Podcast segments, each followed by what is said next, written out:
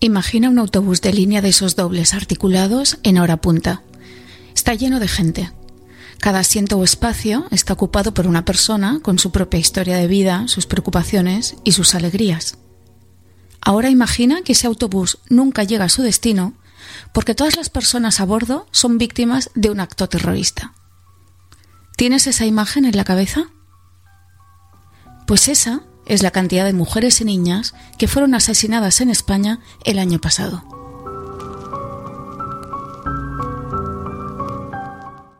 En 2023, 97 mujeres y 4 niñas han sido asesinadas por hombres y se han encontrado los cadáveres de 6 mujeres más asesinadas en los años anteriores.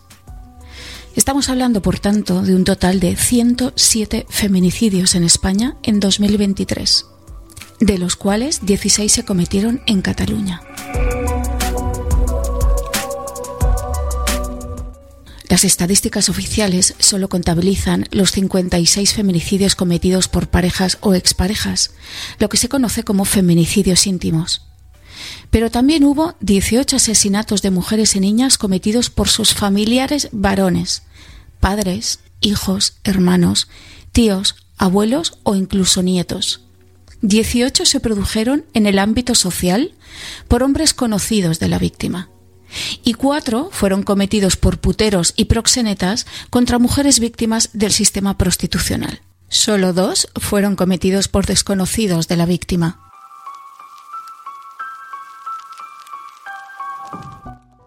El de hoy es un capítulo difícil de grabar, pero responde a la necesidad de denunciar no solo la invisibilización de la cantidad real de mujeres y niñas que son asesinadas todos los años a manos de hombres de su entorno, sino también de denunciar la deshumanización de estas mujeres y niñas en la prensa española, donde la información se centra siempre en el crimen y en sus detalles escabrosos pero apenas se mencionan cuestiones que ayuden a imaginar quiénes eran o cómo eran las mujeres y niñas asesinadas.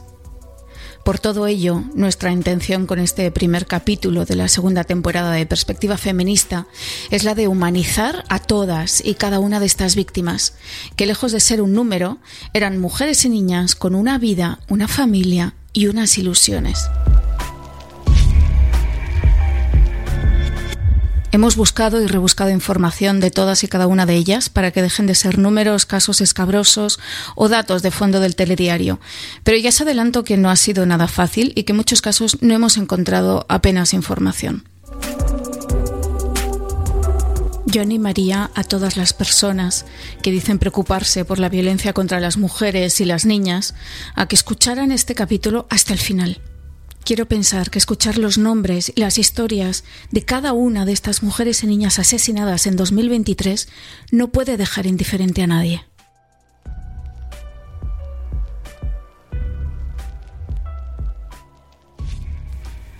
Aprovecho también para hacer un recordatorio a las compañeras de Catalunya o Barcelona.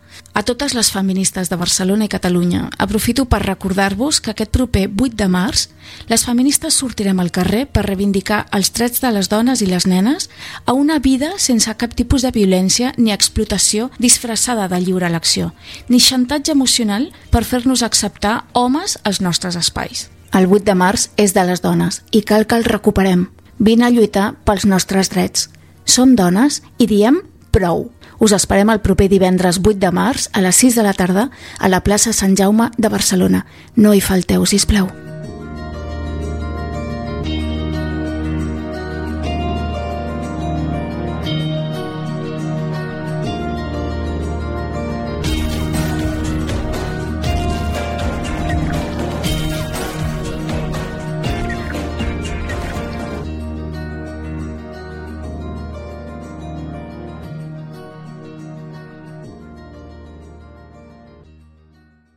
1. Ruth tenía 42 años y vivía en Barcelona. Fue asesinada por su pareja en los bajos de un piso del barrio del Guinardó. El crimen se descubrió en enero de 2023 y aunque se le perdió el rastro en 2021, no constaba ninguna denuncia por su desaparición. Parece ser que Ruth no tenía familiares directos. El feminicida, Jorge Ferrandis, cumple condena desde hace un año. 2. Yes María Pérez Quejada tenía 50 años, era colombiana y vivía en la provincia de Salamanca. Yes María tenía dos hijos de 9 y 13 años y era muy querida por su familia y vecinas. Fue asesinada por un putero y el feminicida fue detenido. 3. Catalina Bailén vivía en Alama, en la provincia de Almería, donde trabajaba en una residencia de ancianos y era muy querida por su familia. Fue asesinada por un vecino de su localidad tras una discusión debido a un accidente de tráfico. No disponemos de más información sobre su vida personal o profesional. 4. Belén Palomo Díaz Concha tenía 24 años y una hija de 3. Era una mujer muy deportista y jugaba en el equipo de fútbol sala de Piedra Buena, Ciudad Real. Belén había ido de cena de Navidad con sus compañeras de equipo, pero a la vuelta fue asesinada por Eduardo, su marido, en el domicilio conyugal. No existían denuncias previas, sin embargo, un conocido afirmó que la gente cercana sabíamos algo, aunque nadie denunció. 5. Eva María Azamontes de Oca, de 46 años, era gaditana y madre de dos hijos de 18 y 13 años. Alegre, familiar y apasionada del carnaval de Cádiz, era una conocida romancera feminista. No vivía sin música, ha dicho su hermano. De hecho, ya tenía la idea para el romancero que quería sacar, Mi vida en una caja. Era el nombre que manejaba, haciendo un símil con sus últimos años, en los que había experimentado muchos cambios y mudanzas. Iba a disfrazarse de bailarina en una caja de música. Juan Carlos Diez Mateos, de 40 años, su pareja, la asesinó de madrugada en su domicilio de Puerto de Santa María. Juan Carlos ya había estado en prisión por violencia de género hacia una anterior pareja, pero la alerta ya no estaba activa. Eva y su asesino llevaban saliendo unos meses. No había denuncias previas. 6. Nina, de 44 años, era nativa de Rumanía y vivía en Roquetas de Mar desde hacía muchos años. Su hijo Jonut dice de ella que era una mujer buena, con un gran corazón, y que le daba todo lo que tenía la gente y era muy trabajadora. Lo crió sola y tuvo una vida muy dura. Hacía unos meses había conocido a un hombre de 30 años y origen senegalés que estaba en situación de indigencia. Nina le daba comida porque lo veía por la calle buscando la basura. Este hombre, que finalmente la asesinó, tenía antecedentes en el sistema biogen en relación con otra mujer. 7. Ayat tenía 46 años y su nombre significa vida en árabe. Aunque era originaria de Marruecos, residía en Adeje desde hacía unos años. Había empezado a trabajar como personal de limpieza en un hotel, pero por su afán de superación había estudiado idiomas y conseguido ser recepcionista en un alojamiento turístico del mismo municipio, mientras cuidaba de sus cuatro hijos. Sus compañeras decían que ella era un amor de persona. Fue asesinada al regresar del trabajo por su expareja Mohamed, de 44 años. 8. Natalia Mosquera había llegado a Marbella hacía cuatro años desde Colombia. Era auxiliar de enfermería y licenciada en farmacia, y se ganaba la vida cuidando ancianos. Había dejado dos hijos en Colombia. El pasado 8 de diciembre cumplió 46. Su familia le hizo una llamada para decirle lo joven y linda que seguía. Cuentan que era una mujer humilde, guerrera, que sacó adelante sola a sus hijos, prendida de la mano de Dios. Era muy devota, cuentan. Su asesino, Leonel Herrera, había sido su pareja durante cuatro meses. 9. Antonia tenía 60 años y quienes la conocían la definen como una mujer muy alegre, muy trabajadora y sobre todo como una madraza capaz de hacer todo lo que fuera necesario para sacar a su hija y a su hijo delante.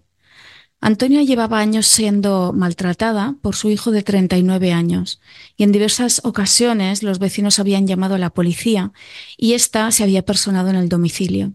A pesar de ello, Antonia nunca llegó a interponer una denuncia en contra de su hijo, que terminó asesinándolo. 10. A Elizabeth García Jiménez le gustaba el montañismo, los juegos de mesa, la equitación y las artes marciales. Tenía 38 años, era del Prat del Llobregat y tenía tres hijas, aunque se había trasladado hacía pocos meses a Balaguer, con el que era su pareja sentimental, Enric B.C., de 44 años. Aunque este hombre quiso hacer ver que Elizabeth se había suicidado, la autopsia determinó que eso era imposible y lo detuvieron como autor del feminicidio. No existían antecedentes de violencia machista. 11 y 12. Paloma Pinedo tenía 46 años y vivía en Valladolid con su hija India de 8 años. Trabajaba en una empresa familiar distribuidora de productos de peluquería y estética y le gustaba salir a patinar con India. Mantenía una relación sentimental desde hacía dos años con David Maroto. Este confesó a su cuñado que las mató ambas. David ya había sido denunciado por su anterior pareja por vejaciones en 2017. India tenía ocho años. Fue asesinada en su casa junto a su madre Paloma por la pareja de esta. Le gustaba mucho patinar con las compañeras de su club y era alumna de tercero de primaria del colegio Pino Albar. 13. Caterina era italiana, tenía 64 años y estaba fincada en la línea de la Concepción, en Cádiz. Convivía con su pareja, un hombre suizo de 65 años, en la urbanización La Alcaidesa, residencial de alto nivel adquisitivo de muchos extranjeros de la zona. Caterina había iniciado los trámites de separación, pero él no consintió que quisiera vivir sin él, así que la asesinó en su propia casa, suicidándose después. No constaban denuncias previas. 14. Beatriz Lijó tenía 47 años y trabajaba como abogada para el Ministerio de Hacienda. Había conseguido sacarse la oposición mientras trabajaba en un despacho y en un restaurante de Playa América. Estaba separada desde 2017 y vivía en Bayona, Pontevedra, con sus dos hijos de 7 y 9 años. Ángel Rodríguez era el ex marido de Beatriz y padre de sus hijos. El día que le devolvió a los niños a su madre tras pasar un fin de semana con él, se inició una discusión entre ambos y Ángel terminó asesinándola. 15. Iris Sánchez, de 44 años, era una mujer dominicana nacida en la provincia de Azúa y madre de cinco hijos. De su historia solo sabemos que emigró de su país y entró en el sistema prostitucional español. El 6 de febrero, en un prostíbulo de Pezuela de las Torres, localidad situada en el extremo sur de Madrid, Iris fue asesinada tras un conflicto en el local. 16. Abdile Yosite era una chica lituana de 27 años y estaba embarazada de 8 meses. Esperaba una niña y estaba muy ilusionada. Sus vecinos de la Val la recuerdan como la rubia, una chica alegre y de trato cordial. Tenía previsto dar a luz a principios de marzo. En medio de una trifulca entre miembros de su familia, su novio Jonathan lanzó varios disparos que impactaron en la cabeza de Abdile. Fue trasladada de gravedad al hospital donde le practicaron una cesárea de urgencia, en la que se pudo salvar a su bebé. Ella falleció unos minutos después. 17. Elia Baena solo tenía 17 años. Cursó primaria y secundaria en el barrio cordobés del Naranjo hasta que volvió a su pueblo natal para vivir con su padre, mientras su hermana pequeña y su madre se quedaban en Córdoba. Vivía en El Rubio, Sevilla, en un local que compartía con su novio Germán Díaz, de 23 años. Durante los ocho meses que duró la relación, las discusiones en la pareja eran frecuentes y en ocasiones Eli acudía a casa de su padre por ese motivo. Germán finalmente la mató con un arma de fuego. No constaban denuncias previas sobre el asesino ni mensajes de alarma previos del entorno. 18. Rosario tenía 78 años y vivía en Andújar, Jaén. Era una mujer amable y conocida en su barrio, que vivía en los últimos años amedrentada por los conflictos y coacciones de su nieto de 15 años. En numerosas ocasiones el nieto le había derrogado dinero a Rosario, a pesar de que ella le daba una paga mensual. El 27 de febrero, tras no localizarla por teléfono, uno de los hijos de Rosario acudió al domicilio de su madre y encontró su cuerpo sin vida en el salón. Su nieto, en colaboración con tres amigos más, todos entre 15 y 17 años, le habían robado y asesinado. 19. María del Carmen tenía 39 años y vivía en Villanueva de Gallego, Zaragoza. Llevaba dos años separada de su exmarido, al que había denunciado por amenazas, y que hasta hacía tres meses tenía vigente una orden de alejamiento hacia ella, aunque no hacia el hijo de seis años de ambos. Víctima y agresor estaban en el sistema Biogen, pero el caso tenía asignado el nivel más bajo de riesgo, el 3 de marzo, Miguel Santiago, a cargo de su hijo en común, llevó al menor a un bar en el que consumió varias bebidas alcohólicas, luego llevó al niño al portal de la vivienda donde se debía realizar como siempre el intercambio entre el padre y la madre, y allí mismo asesinó a María del Carmen delante de su hijo, dejándola tendida en el suelo. 20. El día 3 de marzo de 2023, una ambulancia recogió en Alcobendas a una mujer en la vía pública. Presentaba un traumatismo en la cabeza tras haber sido empujada por unas escaleras. La mujer falleció poco después en el hospital. Solo se ha publicado que la víctima tenía 33 años, era española de origen ecuatoriano. El principal sospechoso de la agresión es su expareja, sobre el que sigue en curso la investigación del crimen sin que se hayan publicado más datos. 21. Tatiana Koinak, moldava de 44 años, vivía en un piso de Oviedo, Asturias, con su gato y estaba en situación de prostitución. Poco sabemos de la vida de Tatiana, que fue asesinada por un hombre llamado Adán, de 36, casado y con un hijo pequeño. Fue el último putero que entró en su casa. Un militar condecorado, suspendido de empleo y sueldo y condenado por abuso sexual a una compañera de cuartel y por haber distribuido fotos privadas de otra. Tatiana apuntaba en una libreta los teléfonos de los puteros y gracias a eso se pudo identificar al asesino. 22. A Carmen Correa Arocha la llamaban Meli, tenía 85 años y vivía sola en las Palmas de Gran Canaria, después de enviudar dos años antes.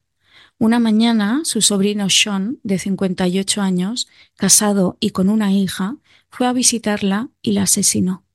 Poco después, la profesional que asistía a Meli una vez por semana llegó al domicilio y encontró su cuerpo sin vida. 23. Marina RB, de 24 años, vivía en Garcia, un pequeño pueblo de unos 500 habitantes del sur de Tarragona. Trabajaba en una residencia geriátrica de Mora la Nova, localidad donde fue hallada muerta en el arcén de la carretera. La noche anterior su hermana había denunciado su desaparición al no volver a casa a cenar después del trabajo.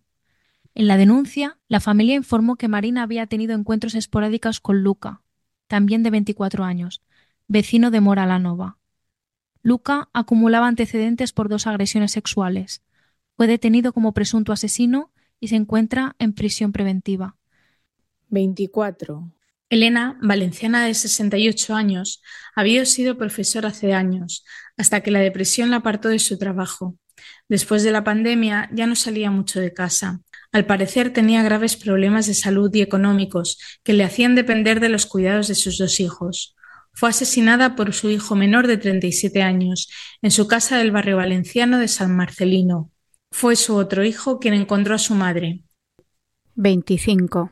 Anne-Marie, una británica de 63 años, vivía en Orihuela, Alicante, desde hacía muchos años.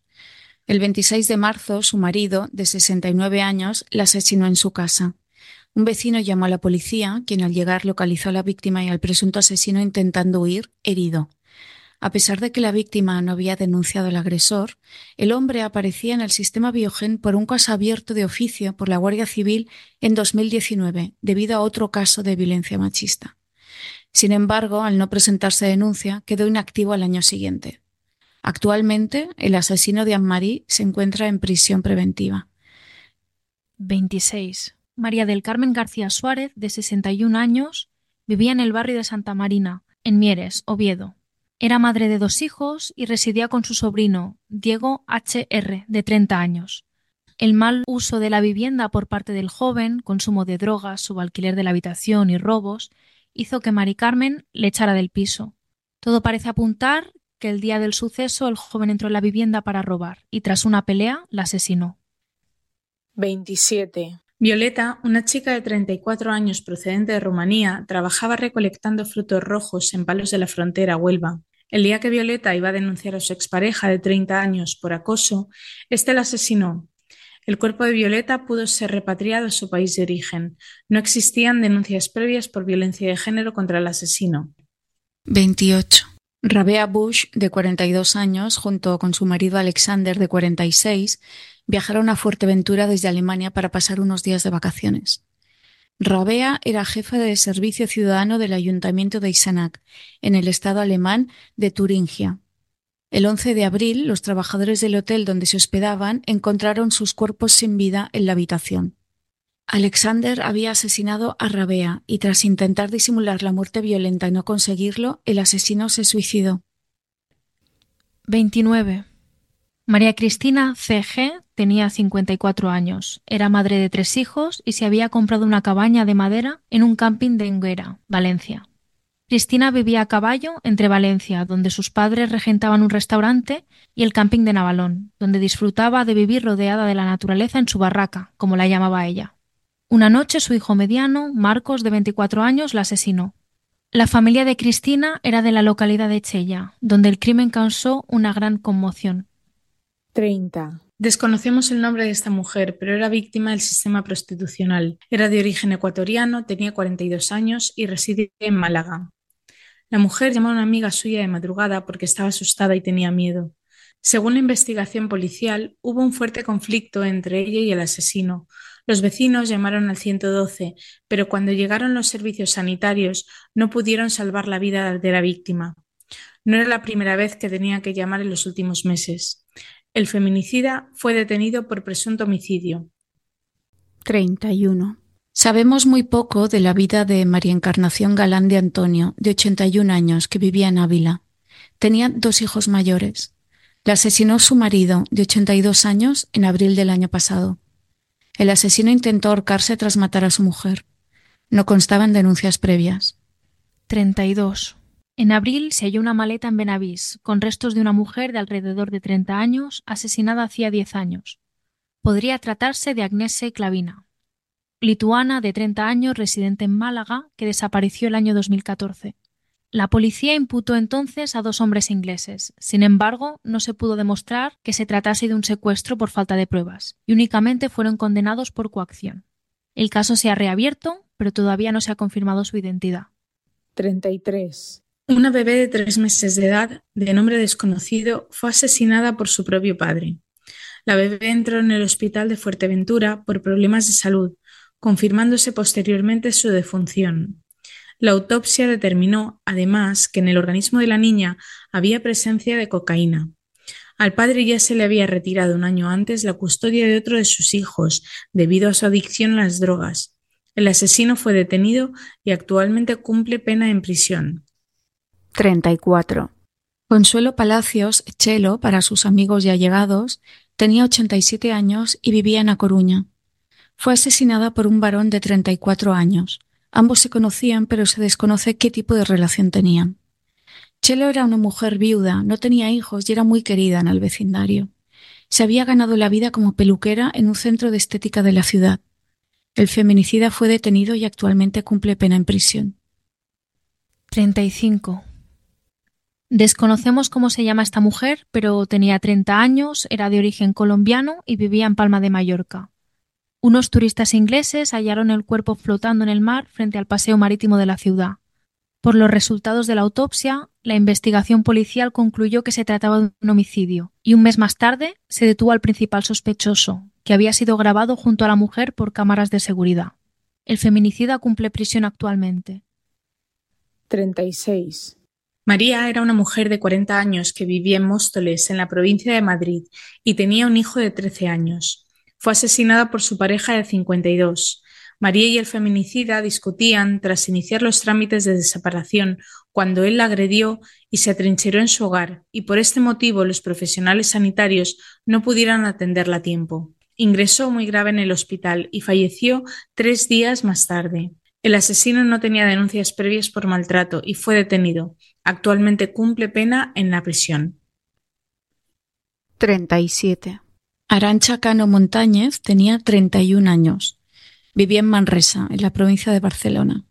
En un primer momento se descartó la posibilidad de que esta chica hubiese sido asesinada por falta de indicios de criminalidad. Sin embargo, los informes médicos forenses revelaron que se trataba de una muerte violenta y fue catalogada como un nuevo caso de violencia machista. Arancha estaba embarazada y se había criado en Prats de Lluçanès.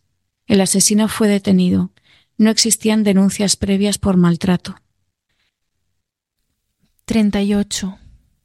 Lourdes del Hoyo tenía 50 años y nació en Palazuelos de la Sierra, pero desde hacía años vivía en Orio, en la provincia de Guipúzcoa, y trabajaba en una empresa de transportes especializados en pescado.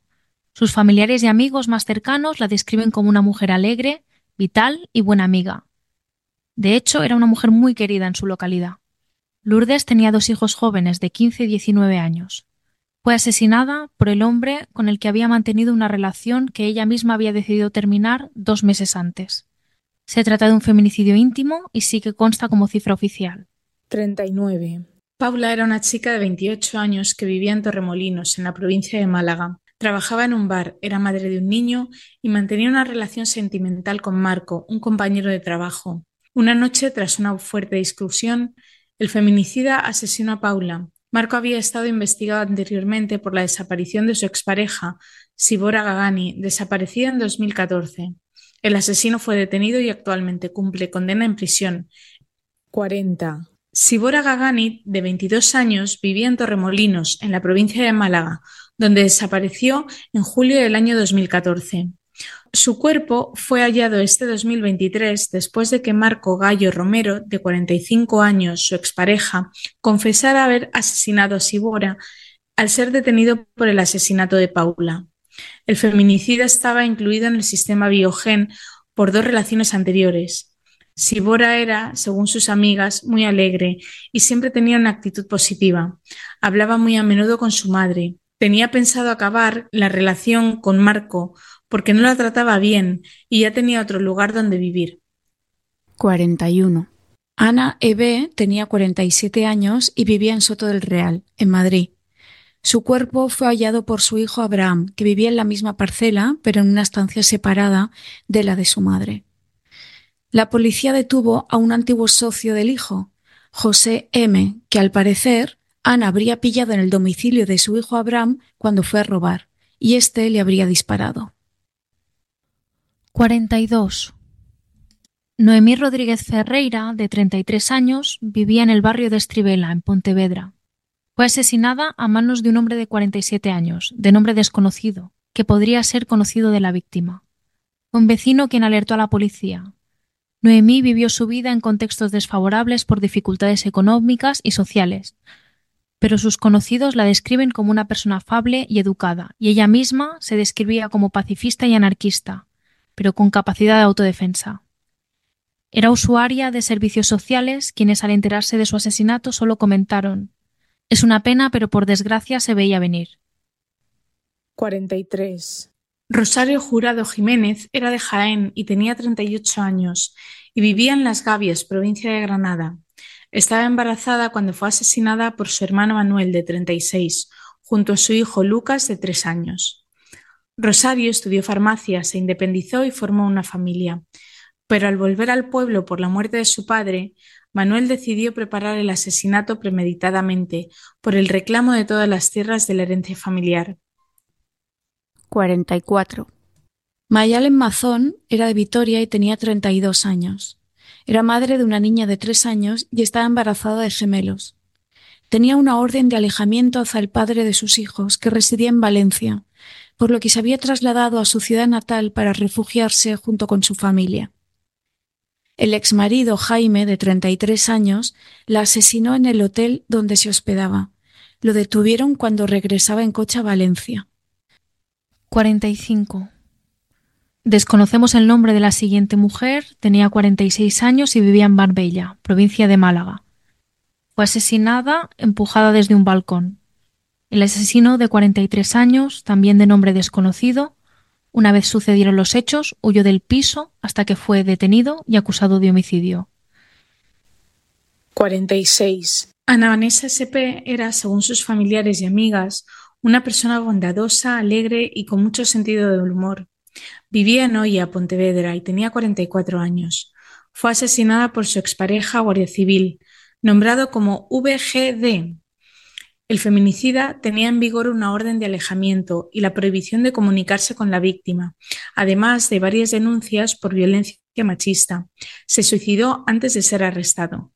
47.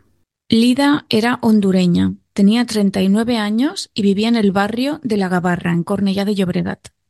Trabajaba en un restaurante y prestaba servicios de cuidadora. Era madre de una criatura de dos años. Lida mantenía buena relación con sus vecinas, que la describen como una chica muy sonriente y agradable. A menudo hablaban y le ayudaban a subir el carrito rojo de su hijo hasta su planta. Lida fue asesinada por su marido, Daniel, que según las vecinas se mostraba violento con ella y le gritaba a menudo. No tenía antecedentes. 48. María Begoña, de 89 años, Era una bilbaína del barrio de Santuchu de toda la vida. Begochu, como la conocían sus vecinas, tenía muy buena relación con todo el barrio. Desde hacía un tiempo tenía mal las piernas, por lo que no salía mucho a la calle, pero saludaba a todo el mundo desde su ventana del tercer piso.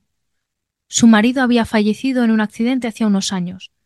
Bego fue asesinada a manos de su sobrino de 28 años, con el que compartía vivienda desde hacía tres. 49. Sabemos muy poco de esta mujer. Sus iniciales eran FMM. Era vecina de Hospitalet de Llobregat, en Barcelona. Tenía 35 años y era madre de un menor. Fue asesinada a manos de su pareja, un hombre también de nombre desconocido. No constan denuncias previas ni antecedentes. 50. Juana María Zorín, más conocida como Nani, tenía 60 años y sus conocidas la describen como una mujer muy buena. Vivía en Yecla, provincia de Murcia, cuando su sobrino David, de 42 años, la asesinó. Nani, conociendo la situación de su sobrino, decidió acogerlo de pequeño, criarlo y darle todo el apoyo necesario, pero él terminó asesinándola aprovechando sus dificultades de movilidad. 51. Maribí tenía 56 años y era de Castrobarto, una pequeña localidad de la provincia de Burgos. Aficionada a las motos, vivía con su marido Lorenzo y su hijo en Daganzos de Arriba, Madrid. Acudían a Castrobarto casi todos los fines de semana, donde reside la madre de Maribí. Era una persona muy querida en su pueblo, donde participaba en todas las actividades. Su hijo, Lucas, de 23 años, con antecedentes por violencia, la mató durante un brote psicótico. También hirió a su padre. 52. Vanessa Marín tenía 36 años. Era madre de un niño de 8 años y trabajaba como limpiadora en un colegio. Vivían en la localidad de Móstoles, Madrid. Fue apuñalada por Ángel, de 47, su expareja y padre de su hijo. Vanessa había denunciado a Ángel ese mismo mes por amenazas y él tenía antecedentes por malos tratos. Había una orden de detención, pero no había orden de alejamiento ni ningún tipo de protección para Vanessa. Ella dormía junto con un cuchillo por miedo a su expareja. 53. Zhen Jiang, más conocida como Eva, tenía 47 años, era de nacionalidad china y vivía en Pamplona desde hacía 15 años. Estaba separada y era madre de cuatro hijos, tres chicas y un chico. Quienes la conocían la consideraban una luchadora y una mujer sonriente y de muy buen carácter. Había regentado un bar en el barrio de La Rochapea y actualmente regentaba otro con su socio y pareja, Yang Fengling, quien la asesinó. No constaban denuncias previas. 54. Christy Lee Ward tenía 36 años y era de Dublín, madre de un niño pequeño llamado Evan. Christy trabajaba en Glenview Medical Center, le encantaba ir al gimnasio y escuchar música.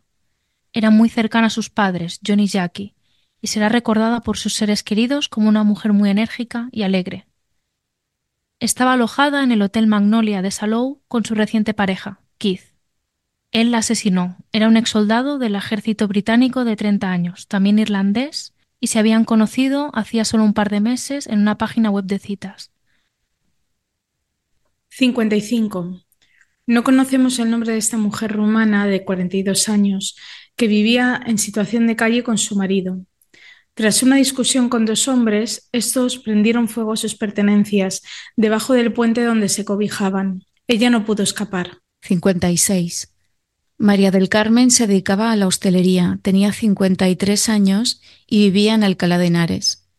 Era madre de un hijo, trabajaba como cocinera desde hacía 20 años en un restaurante del centro de Alcalá. Fue asesinada por un ex compañero de trabajo de 25 años y con quien mantenía amistad. Sus compañeros la recuerdan como una más de la familia, una persona muy buena, excepcional y muy trabajadora. Él no tenía antecedentes. 57. Concepción Ortega Nieto, Concha para sus amigos, trabajaba como empleada en una tienda de uniformes para profesionales en Madrid desde los años 90. Tenía 61 años, dos hijos y estaba a punto de jubilarse, esperando ser abuela. Era considerada como una persona muy agradable entre el vecindario. Fue asesinada por un hombre, Jesús M.S., de 58 años, con historial delictivo y con la complicidad de su pareja, que entraron en la tienda para atracarla. 58. Salwa era de origen sirio, tenía 35 años y vivía en Logroño desde hacía 8 años. Era madre de dos niñas y de un niño, y era muy apreciada por las mujeres de su comunidad, que la consideraban una amiga, una hermana y una muy buena madre. Fue asesinada por su marido Samer A., quien intentó matar a sus hijas tirándose con ellas al río Ebro, mientras el hijo mayor conseguía escapar y pedir ayuda. 59. Ilham Najah tenía 38 años. Vivía en Antella con sus tres hijos, dos de ellos menores de edad y que tenía en común con su marido Vicente, de quien estaba en trámites de separación. Trabajaba como cuidadora de personas mayores y era muy apreciada en la población. Su marido, un ex policía de 53 años, se desplazó desde Rocafort a Antella para asesinarla. 60. Carmen Cortés tenía 54 años y vivía en Humilladero, Málaga. Era trabajadora eventual del campo. Carmela, como la llamaban sus amigos y familiares, había sido madre de tres hijos, aunque uno de ellos había fallecido hacía unos años. Estaba separada de su marido, pero le tenía miedo. Él la había agredido unos días antes del asesinato. Carmela llegó muy grave al hospital, pero pudo delatarlo antes de morir. Los vecinos decían que Carmela era una curranta y que a pesar de tener una vida dura y complicada, nunca tuvo una mala palabra para nadie. 61. Katia Santa Marta, de 56 años, oriunda de Reliegos, León, regresó a su pueblo tras vivir en Burgos, para dedicarse a la agricultura ecológica en su negocio, la huertina de Reliegos. Amante del aire libre, Katia convirtió la ecoagricultura en su estilo de vida. Era muy querida en su comunidad y solía acoger a peregrinos. Dos hombres mellizos portugueses, con historial delictivo por robo con violencia, se hicieron pasar por peregrinos y acabaron con su vida. La familia decidió donar el dinero destinado a las flores para su entierro a la Confederación de Mujeres del Mundo Rural Ceres y a la Asociación Leonesa Simón de Beauvoir. 62. María Torres tenía 48 años y regentaba un bar en Dalías, provincia de Almería. Su asesino, Trino García El Mancha, un hombre de 55 años, ya la había agredido meses antes prendiendo fuego al bar y según fuentes policiales llevaba tiempo acosándola. Desde entonces pesaba sobre él una orden de alejamiento de María, pero eso no impidió que la asesinara a plena luz del día en la plaza del pueblo. María era madre de dos hijos adolescentes y el día de su asesinato se dirigía a celebrar el cumpleaños de uno de sus dos hijos, que cumplía doce. 63. Carla F.G., de 27 años, vivía en Sal, Girona, y trabajaba como recepcionista en un hotel de la ciudad. Quienes la conocían la describen como una chica trabajadora y buena persona. Su asesino, Tony M.T., de 29 años, la conoció en el instituto y tuvieron una relación que duró pocos meses. Tras la ruptura, Tony no había dejado de acosarla. La noche que la asesinó, la esperó en el rellano de su piso y la atacó cuando abrió la puerta. 64. Elena, de 29 años, se acababa de mudar al barrio barcelonés de Nou Barris con su pareja, un hombre de 34. Según los vecinos, Elena trabajaba en el supermercado Mercadona y era una persona amable y simpática. Apenas llevaba un mes y medio viviendo en el barrio, por lo que no se conocía mucho de su vida. Su pareja la asesinó la madrugada de un domingo en el piso que compartían. El feminicida seguidamente llamó al 112 para dar aviso, los servicios de emergencia encontraron a Elena inconsciente en el piso y no pudieron hacer nada para salvarle la vida. No constaban denuncias previas. 65. Erika Vanessa Reyes tenía 22 años y había llegado a España desde Nicaragua en busca de una vida mejor. Vivía con su hermana en una casa de acogida para nicaragüenses en Utrera, provincia de Sevilla, donde se dedicaba a cuidar de ancianos. Estaba en trámites de separación de su marido, un hombre de 43 años que no toleraba que le quisiera dejar y que la asesinó. El marido fue detenido pocas horas después. No constaban denuncias previas. 66. Zour tenía 27 años, era de origen marroquí y madre de una niña de 9 años, un niño de 8 y un bebé de 6 meses. Hacía un año que vivían en el barrio de la Pescadería, en la ciudad de Almería, y trabajaba en casa. Su marido la asesinó en su domicilio delante de sus hijos, que fueron los que avisaron a los vecinos de lo que había hecho su padre. Este, al llegar la policía, usó de escudo a uno de sus hijos. No constaban denuncias previas. Los tres huérfanos se encuentran bajo tutela de la Junta de Andalucía. 67. Juana Cepas, de 31 años, vivía en Pozo Blanco, provincia de Córdoba, y tenía tres hijas, de entre 3 y 8 años de edad. Juana había decidido divorciarse de su pareja y maltratador Gabriel e iba a trasladarse a vivir a otro pueblo el día que fue asesinada por este. Había denuncias por violencia machista anteriores a 2018, pero desde esa fecha no constaba ninguna. 68. Evarista tenía 91 años y vivía en Valleguerra, en La Laguna, provincia de Tenerife. Su marido de 92 años la mató en su domicilio y debido a su edad ingresará en un módulo especial. No constaban denuncias previas ni han trascendido más detalles sobre la víctima. 69.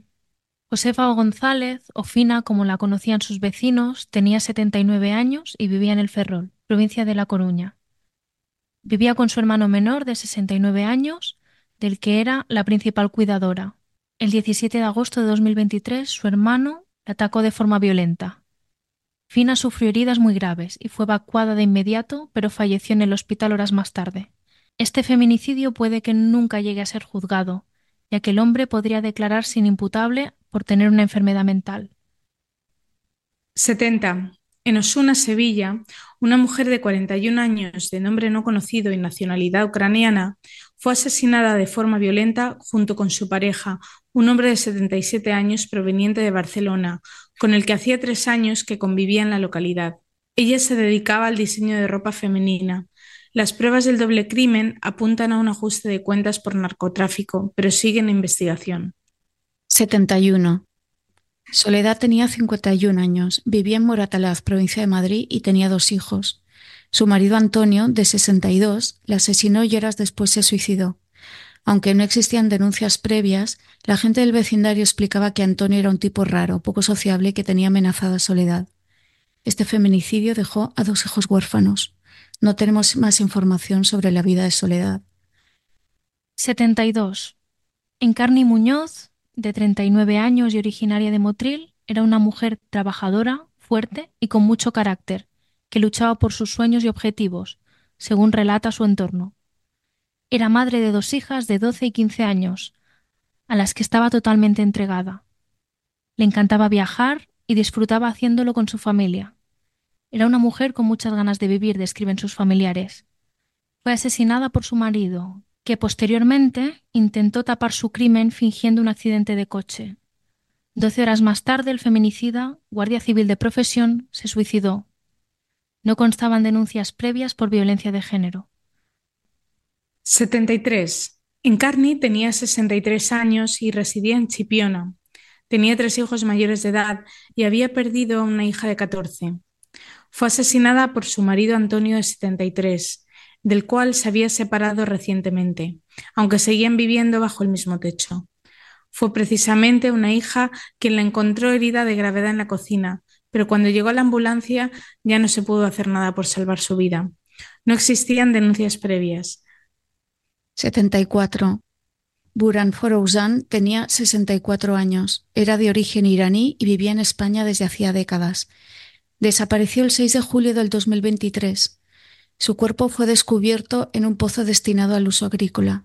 Su asesino se llama Miguel, un hombre de 78 años que ya había pasado 15 años en prisión después de matar al presunto amante de su exmujer y quemar la casa de su exmujer con ella dentro.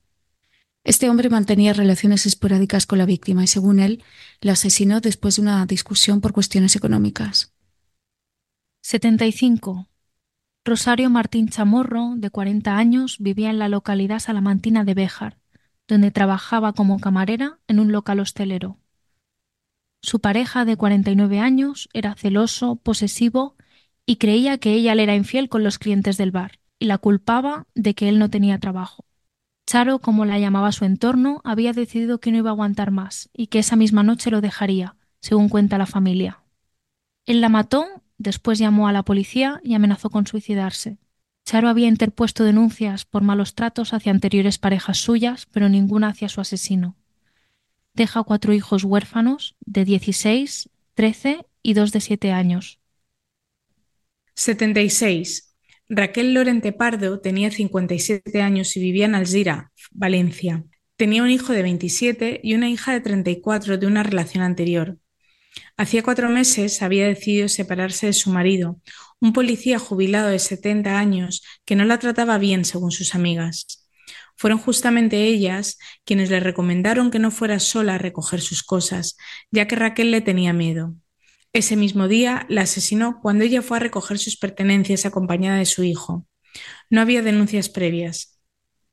77. Rosa Gómez Fernández era una mujer dispuesta a comerse el mundo, según su vecindario.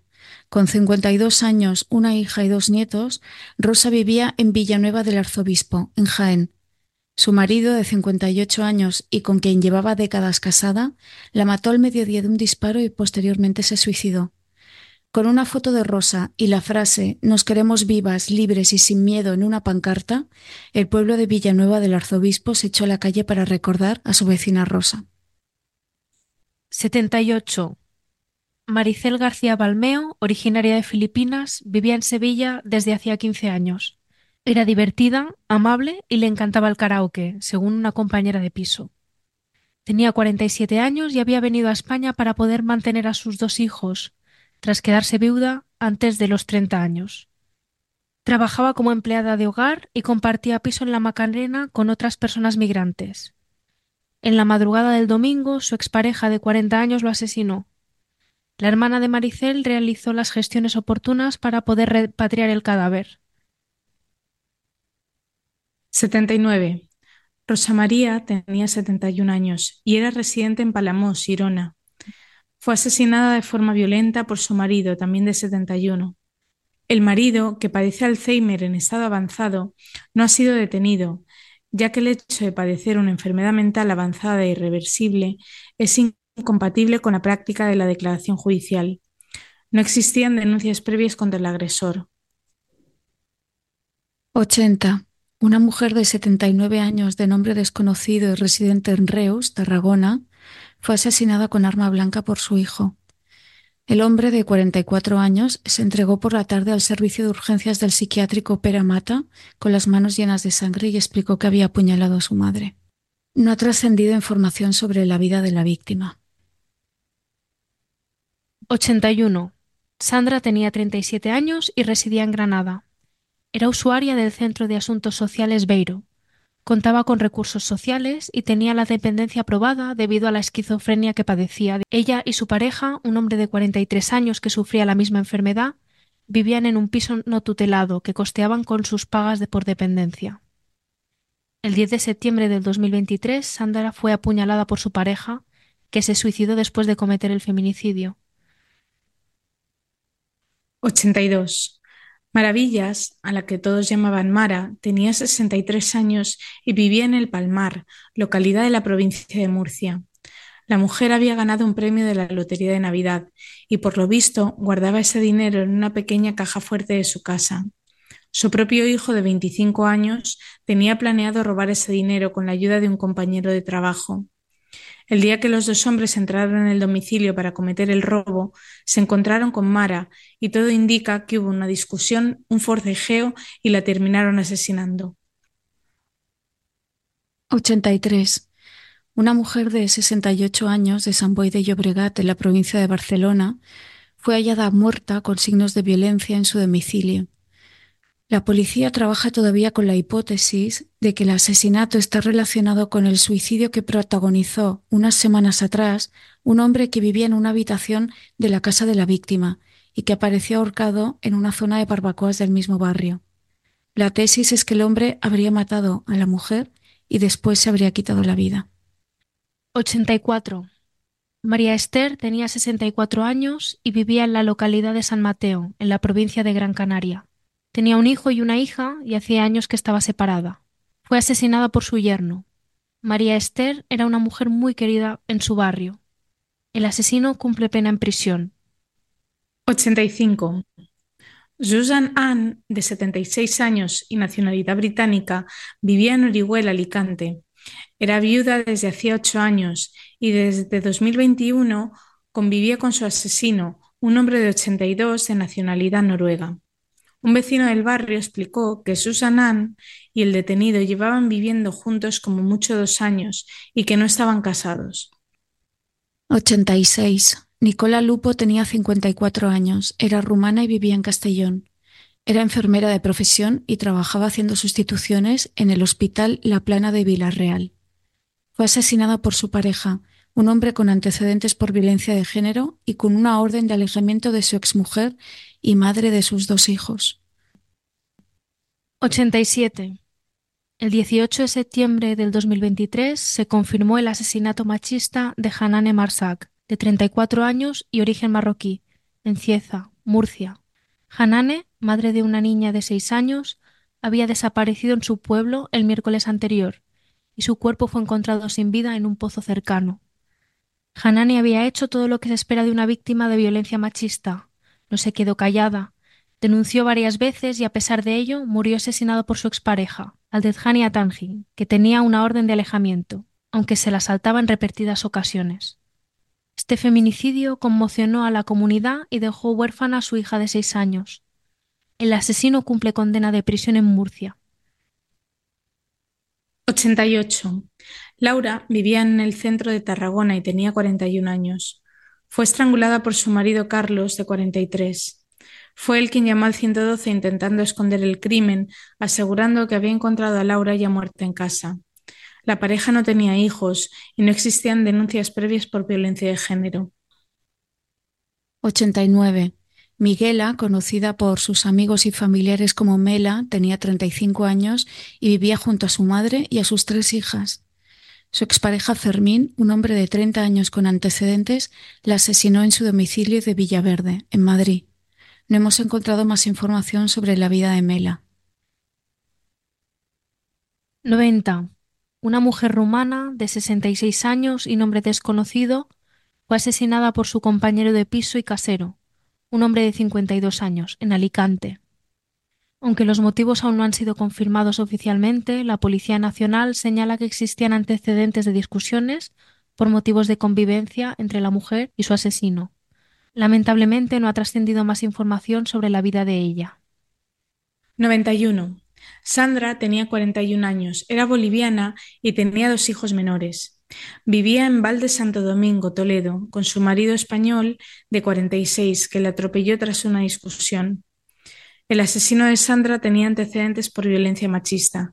Tanto él como un amigo suyo que en el momento del atropello iba de copiloto y que intentó encubrir el crimen fueron detenidos y cumplen condena desde 2023. 92. Irene Gelpi Lluc tenía 59 años y vivía en Torrellas de Foix, provincia de Barcelona. Había publicado varios libros sobre nutrición y alimentación sana, así como el libro Los hombres de mi vida y la madre que los parió, una parodia que pretendía desmitificar la idea de que las mujeres necesitan un hombre para ser felices. Un libro donde, según ironizaba ella misma en la solapa, la protagonista busca príncipes azules y encuentra ranas y sapos. Irene también había publicado, pero bajo seudónimo, el libro No, Padre, No, un manual sobre cómo detectar y evitar los abusos infantiles que ella misma había sufrido, según reveló en un programa de TV3. Irene fue asesinada en septiembre de 2022 por su pareja, Juan, de 77 años, aunque el crimen no se descubrió hasta 2023. 93.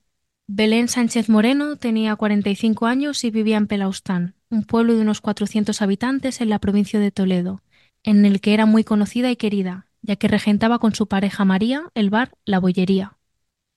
Belén solía salir a pasear en bicicleta por las afueras del pueblo, y fue en uno de estos paseos donde la asesinó un vecino. 94. Paqui tenía 52 años y era de Granada, pero vivía en Benalmádena, en la provincia de Málaga.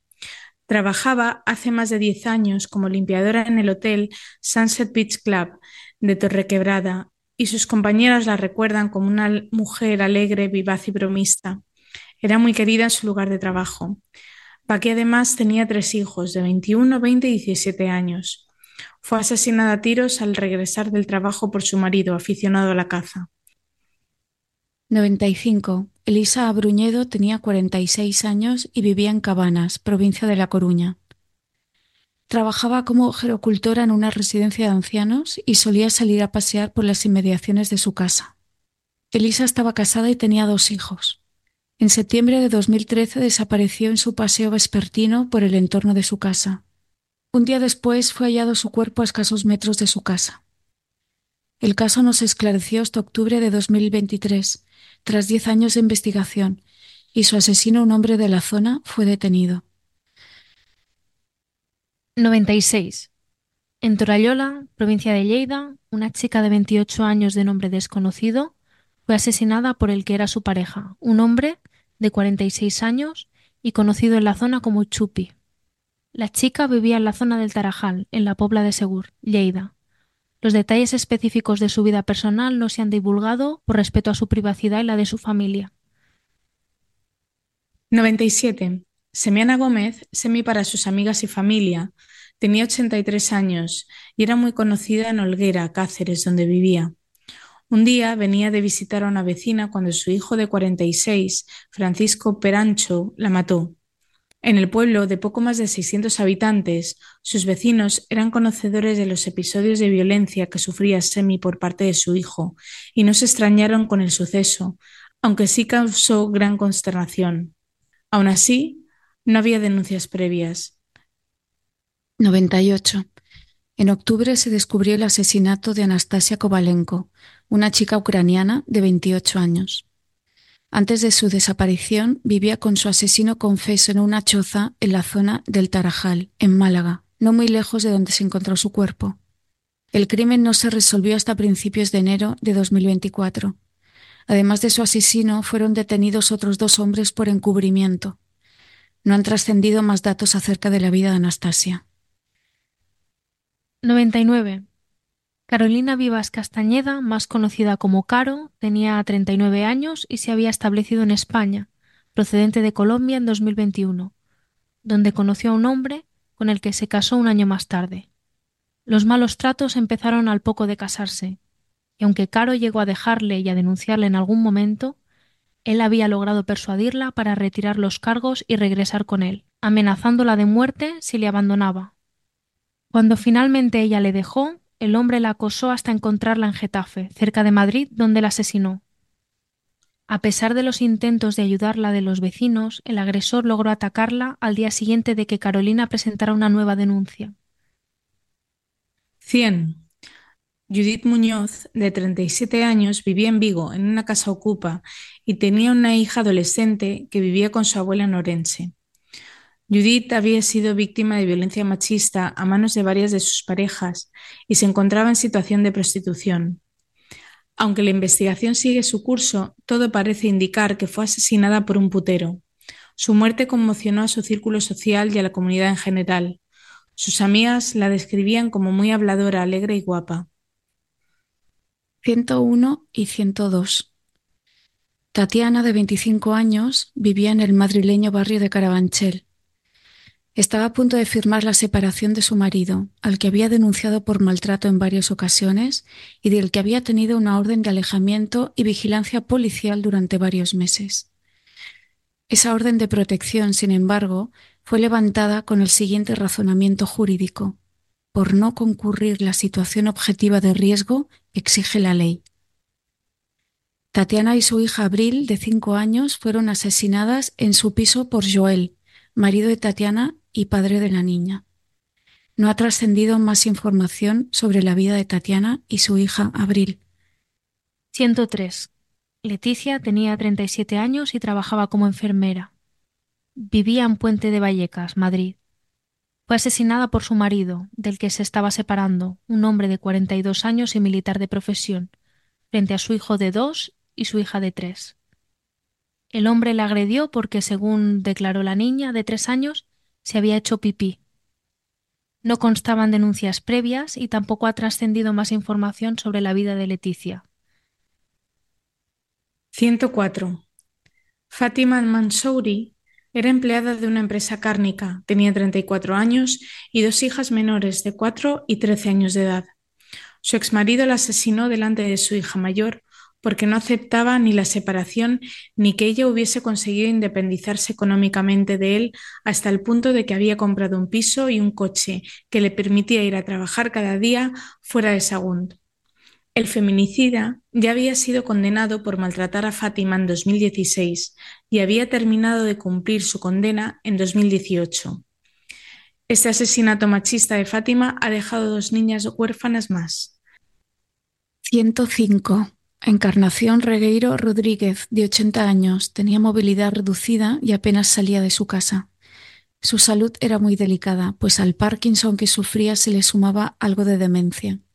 Ella y su marido, de 88 años, habían trabajado en el campo y se habían trasladado después a vivir en el casco urbano de Sigueiro, en Galicia.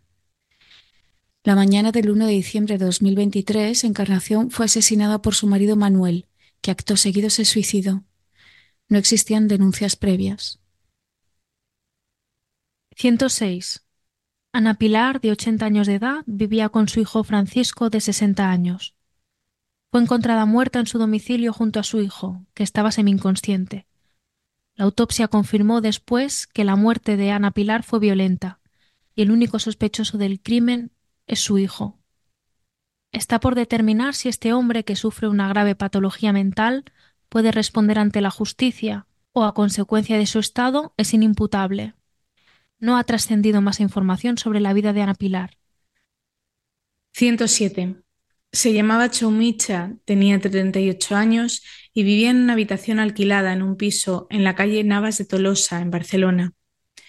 Choumicha acababa de volver hacía poco de Marruecos, a donde había viajado aprovechando unos días de vacaciones para ver a su familia. Según su compañera de piso, Choumicha estaba muy contenta con el trabajo. Murió asesinada alrededor del día de Navidad a manos de su expareja en el que fue el último crimen machista del año 2023 en Cataluña. Ella había denunciado ya en 2020 y en 2022 a su feminicida, un hombre de 31 años. El juicio por la segunda denuncia se había fijado para octubre de 2024. Su asesino fue detenido el pasado 5 de enero y se encuentra en prisión provisional.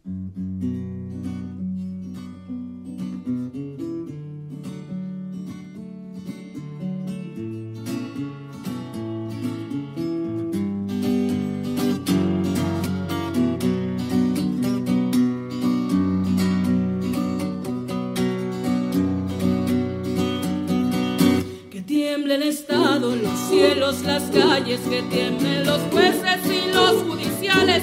Hoy a las mujeres nos quitan la calma, nos sembraron miedo, nos crecieron alas.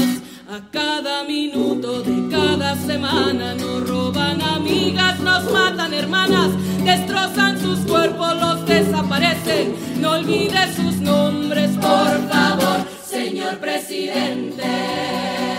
Por todas las compas ¿Cómo vais? ¿Cómo estáis? No sé, yo a partir de la 10 me han empezado a temblar las manos. Em, ha habido un momento que he tenido que, bueno, que hemos tenido que parar y, y ahora la verdad es que mm, no, no tengo palabras. Yo no creo que pueda dormir esta noche ya os lo digo.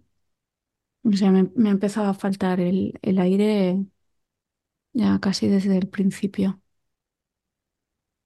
Se me ocurren unas cuantas personas que, que tendrían que hacer este ejercicio que acabamos de hacer nosotras, empezando por todas las alumnas y alumnos de la escuela judicial y fiscal, pasando por miembros del gobierno de distintos gobiernos centrales, autonómicos, locales. O sea, tendría que ser un ejercicio obligatorio y, y que además se, se escucharan en, en, un programa especial en todas las radios y en televisiones todos los años. O sea, es que es, es espeluznante. O sea, no, es imposible abarcar la historia de todas estas mujeres y, pensar que, nadie se ha parado a, contar sus historias de forma seguida, sin, sin morbos ni, ni tintes de true crime.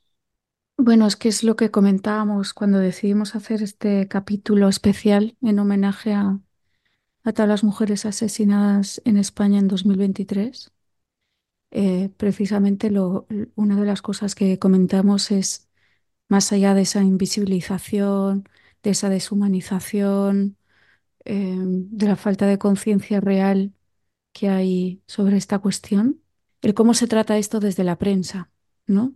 Que siempre desde la prensa española, esto lo comentabas tú, Erika, ¿no? Que desde la prensa española realmente, o sea, nosotras que hemos intentado hacer esta labor de homenajear y a estas mujeres y eso requería encontrar información sobre sus vidas, es que de muchas no hemos encontrado absolutamente nada, ni siquiera su nombre. Es que ni siquiera su nombre. Eso sí, detalles del asesinato, de el número de cuchilladas, de, o sea, este tipo de detalles, todos los que quieras y más. Pero que, o sea, que eran, que eran personas, joder, que, o sea, es que no hay nada de la vida de ellas. Nos ha costado un lo poco que hemos encontrado. Hemos tenido que buscar y rebuscar, o sea. Sí, los, sí. sí. los casos que más datos teníamos eran por prensa normalmente anglosajona de los países de origen de Inglaterra, Irlanda, que sí que hablan más de, del, bueno, testimonio de la familia, em, que hablan de, de, ella y de la huella que ha dejado en todos sus seres queridos. Y también de, de la prensa local. La prensa local sí que es algo más detallada en, en la descripción personal de estas víctimas, pero es verdad que la prensa generalista se centra únicamente en los, en los detalles del suceso y, y esto casi parece un, una revista del caso, pero, pero multiplicado por 500, o sea, es, es, una barbaridad la, la, deshumanización que sufren las víctimas de, de violencia machista, que en, que en otros casos creo que, no lo han sufrido, como han podido ser, por ejemplo, las víctimas del, terrorismo de ETA, desde las que sí que se ha tratado de cuidar su memoria y se ha tratado de, conservar el, la, de, seguir humanizándolas y, que no se perdieran en, una cifra. Sin embargo, con las mujeres asesinadas eso no ocurre con las víctimas del terrorismo machista. Exacto, porque esos son estas mujeres, son víctimas de, de una forma de terrorismo, una que ejercen los hombres hacia las mujeres. Así es. Siempre lo comentan las compañeras del grupo que se encargan de hacer los recuentos, ¿no? Pero obviamente sorprenden muchas cosas, pero la cantidad de hijos y familiares que parece que, que por los medios de comunicación solo mm, somos asesinadas por parejas o exparejas, ¿no? Y aquí la, la, más joven, en este caso, era un bebé de tres meses y la más mayor tenía 90 y pico. Y, y nada, padre y marido. Que no. Y de mm. toda España, ¿eh? No, no hay diferencia. Nacionales, extranjeras, asesinos nacionales, extranjeros de arriba, de abajo, de izquierda y derecha. ¿no? Solo, solo, hay, solo hay una serie de, variables o patrones que sí que se repiten. Uno es eh, el más evidente, ¿no? que son hombres asesinando mujeres por el hecho de serlo. Otro que en muchos, sobre todo en los casos de pareja, ¿no? de feminicidios íntimos, eh, ahí hay como dos patrones o tres, ¿no? Uno, el de que comentábamos antes en la pausa de parejas muy mayores, ya en los en, sus ochentas o en sus noventas, que llevaban casados toda la vida y que dice, si ese señor a sus ochenta y pico, noventa y pico de años mata a su mujer, ¿qué no habrá sufrido esa mujer durante todas esas décadas de matrimonio? Porque a ese señor no se le giró la pelota, con 90 años. Ese señor debía llevar toda su vida maltratándola. Aunque tuviera Alzheimer en estado avanzado. Efectivamente. Como los casos que hemos leído. Efectivamente. Porque sí, mm, mm, muy enfermo mental, pero no le da por matar al vecino. Le da por matar a su mujer. O, a su madre. O a su madre. en muchos casos cuidadora, ¿no? Sobrinos, hijos. Y luego el otro patrón clarísimo, que esto lo hemos analizado ya en varias ocasiones, es eh, también de nuevo en feminicidios íntimos. Ellos las asesinan cuando ellas deciden dejarles. O sea, el momento de la separación es el más crítico. Sí. El más crítico, porque es cuando ellos sienten que pierden el control sobre ellas. Incluso, bueno, que por parte de algunos cargos se había dicho, ¿no? De hacer campañas para que las mujeres fueran acompañadas a recoger sus cosas. Y hemos visto que una, bueno, que, que aún Eso no te salva. No te salva. No las libra. No. Para nada, no. Ni tener criaturas pequeñas delante, ni tener hijos mayores que te acompañen. No las libra. No. Y es que es una indefensión, o sea, no. Absoluta. El sistema no. El sistema judicial no está y policial no está preparado ahora mismo, no tienen las herramientas para, ni la formación tampoco, pero... Exacto, eso te iba a decir, no tienen la formación ni siquiera, ni siquiera tienen la base para detectar niveles de riesgo, o sea... Sí, pero tampoco tienen las herramientas ahora mismo. No. O sea, el, sistema no tiene las herramientas para proteger a estas mujeres. No hay suficientes efectivos que las acompañen, no hay medios económicos que les den alternativas habitacionales, no hay suficiente vigilancia para con los agresores. No, el, procedimiento es tan lento, tan burocrático, tan lleno de papeleo y, y que casi necesitas llegar con el cuchillo clavado entre las costillas para que se te tenga en cuenta y no te casquen un sobreseimiento provisional y pasemos al siguiente caso. Mm. No, bueno, que, hay muchas mujeres que estaban, digamos, en contacto con administraciones del Estado, ya sea servicios sociales, eh, policía, sistemas de violencia de género, las parejas tenían antecedentes, por decirlo de alguna manera. Es que no. Parece que no importa. Y a ese respecto también, o sea, a mí una cosa que, a ver, me llama la atención, no me sorprende, tengo que decir, ¿eh?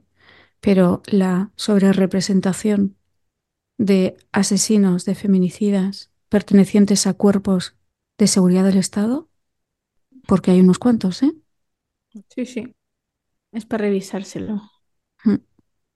Bueno, esa es gente que en su día pasó un psicotécnico y además tiene acceso a armas. Así es. También, bueno, no sé si esto es em, pertinente para el capítulo mm, de feminicidios, pero hoy una, una intervención de Graciela Atencio, la directora de feminicidio.net, en la que pedía dinero a, en este caso era la Generalitat de Cataluña, para que se investigara eh, recursos en realidad, que se investigaran los intentos de asesinato, los intentos de feminicidio, para poder estudiar qué había sido clave en que no se hubiera cometido ese, ese asesinato. Y me, me entristece decir que había diputados del Parlamento que estaban mirando el móvil. Y esto si queréis luego lo cortamos, pero esto es un vídeo público, que es gente que cobra un pasto. En plan, yo no sé cuál es la solución de esto. Y yo supongo que, un diputado tampoco, pero si una persona de, una organización te está pidiendo eso. Sí, que mínimo que prestar atención. Que no es que no la miraran a la cara, es que no la estaban escuchando, estaban mirando el móvil, evidentemente. Hola, me, ha llamado también mucho la atención es que, aunque no hubieran denuncias, sí que hay comentarios por parte de conocidos, de familiares, de amigos de esto lo veíamos venir. ¿Cómo puedes ver venir un asesinato y que nadie mueva un pelo? Mm. Cómo de naturalizada tenemos la violencia contra las mujeres como para casi ver esta, este fin terrible como una cosa que era imparable, una especie de, de avalancha, de, de, elemento natural que no puedes evitar. Sí, como si, bueno, está escrito, ¿no? Yo, ¿Qué puedo hacer yo? Exacto, exacto, sí. Mm. Los que sí que se podrían, creo yo, haber evitado son los cinco o seis que hemos leído de feminicidios en el sistema prostitucional. ¿Vale? Que a estas mujeres las mataron los puteros. Mm. Hombres que pagaron por tener, porque se creían que tenían derecho a tener sexo. Bueno, a violentar los cuerpos de esas mujeres, porque eso no se le puede llamar ni sexo en realidad. Bueno, en su cabeza. Yo creo que ni siquiera. Pero que cada año haya cuatro o cinco. Esas, estas sí que son, bueno, todas son víctimas del Estado, pero estas de un Estado que gira la cara Total. unas feministas que pedimos una ley abolicionista. Totalmente, totalmente. Sí. Y hay ministras que no solo tendrían que escuchar este podcast, tendrían que haber ido a 107 funerales el pasado 2023. Exacto. De la misma manera que se acudía a los funerales de las víctimas de ETA, yo creo que la ministra de Igualdad o como mínimo órganos pertenecientes al, ministerio deberían acudir. Y hacer el ejercicio de leer en voz alta la lista de estos 107 feminicidios que hemos leído nosotras. Sí, porque por encima de todo, a todas estas mujeres las mataron por ser mujeres, no por otra cosa.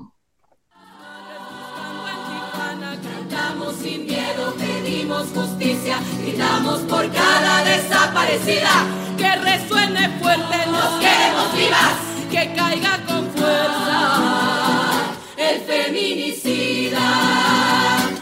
todo lo incendio, yo todo lo rompo. Si un día algún fulano te apaga los ojos, ya nada me calla, ya todo me sobra. Si tocan a una, respondemos todas. Antes de despedirnos, queremos expresar nuestro agradecimiento a las compañeras del equipo de Biogen de Feministas de Cataluña por llevar un recuento exhaustivo de los feminicidios que se cometen en España desde el año 2021, así como nuestro reconocimiento, por supuesto, a las compañeras de feminicidio.net que realizan esta dura labor desde el 2010 y cuyo trabajo nos sirvió de inspiración. Aprovecho también para recordaros la fecha de la próxima exposición en homenaje a estas mujeres víctimas de la violencia machista ejercida por hombres de su entorno durante el 2023, que estará abierta al público del 19 al 29 de marzo en el Centre Cívic de Can Rull, en Sabadell, en la calle San Isidro 51. Cantamos sin miedo, pedimos justicia, gritamos por no os perdáis la entrevista de la semana que viene con Graciela Atencio, directora de feminicidio.net, y nos despedimos con Vivir Quintana y su canción Sin Miedo, que se ha convertido ya en uno de los himnos de la lucha feminista.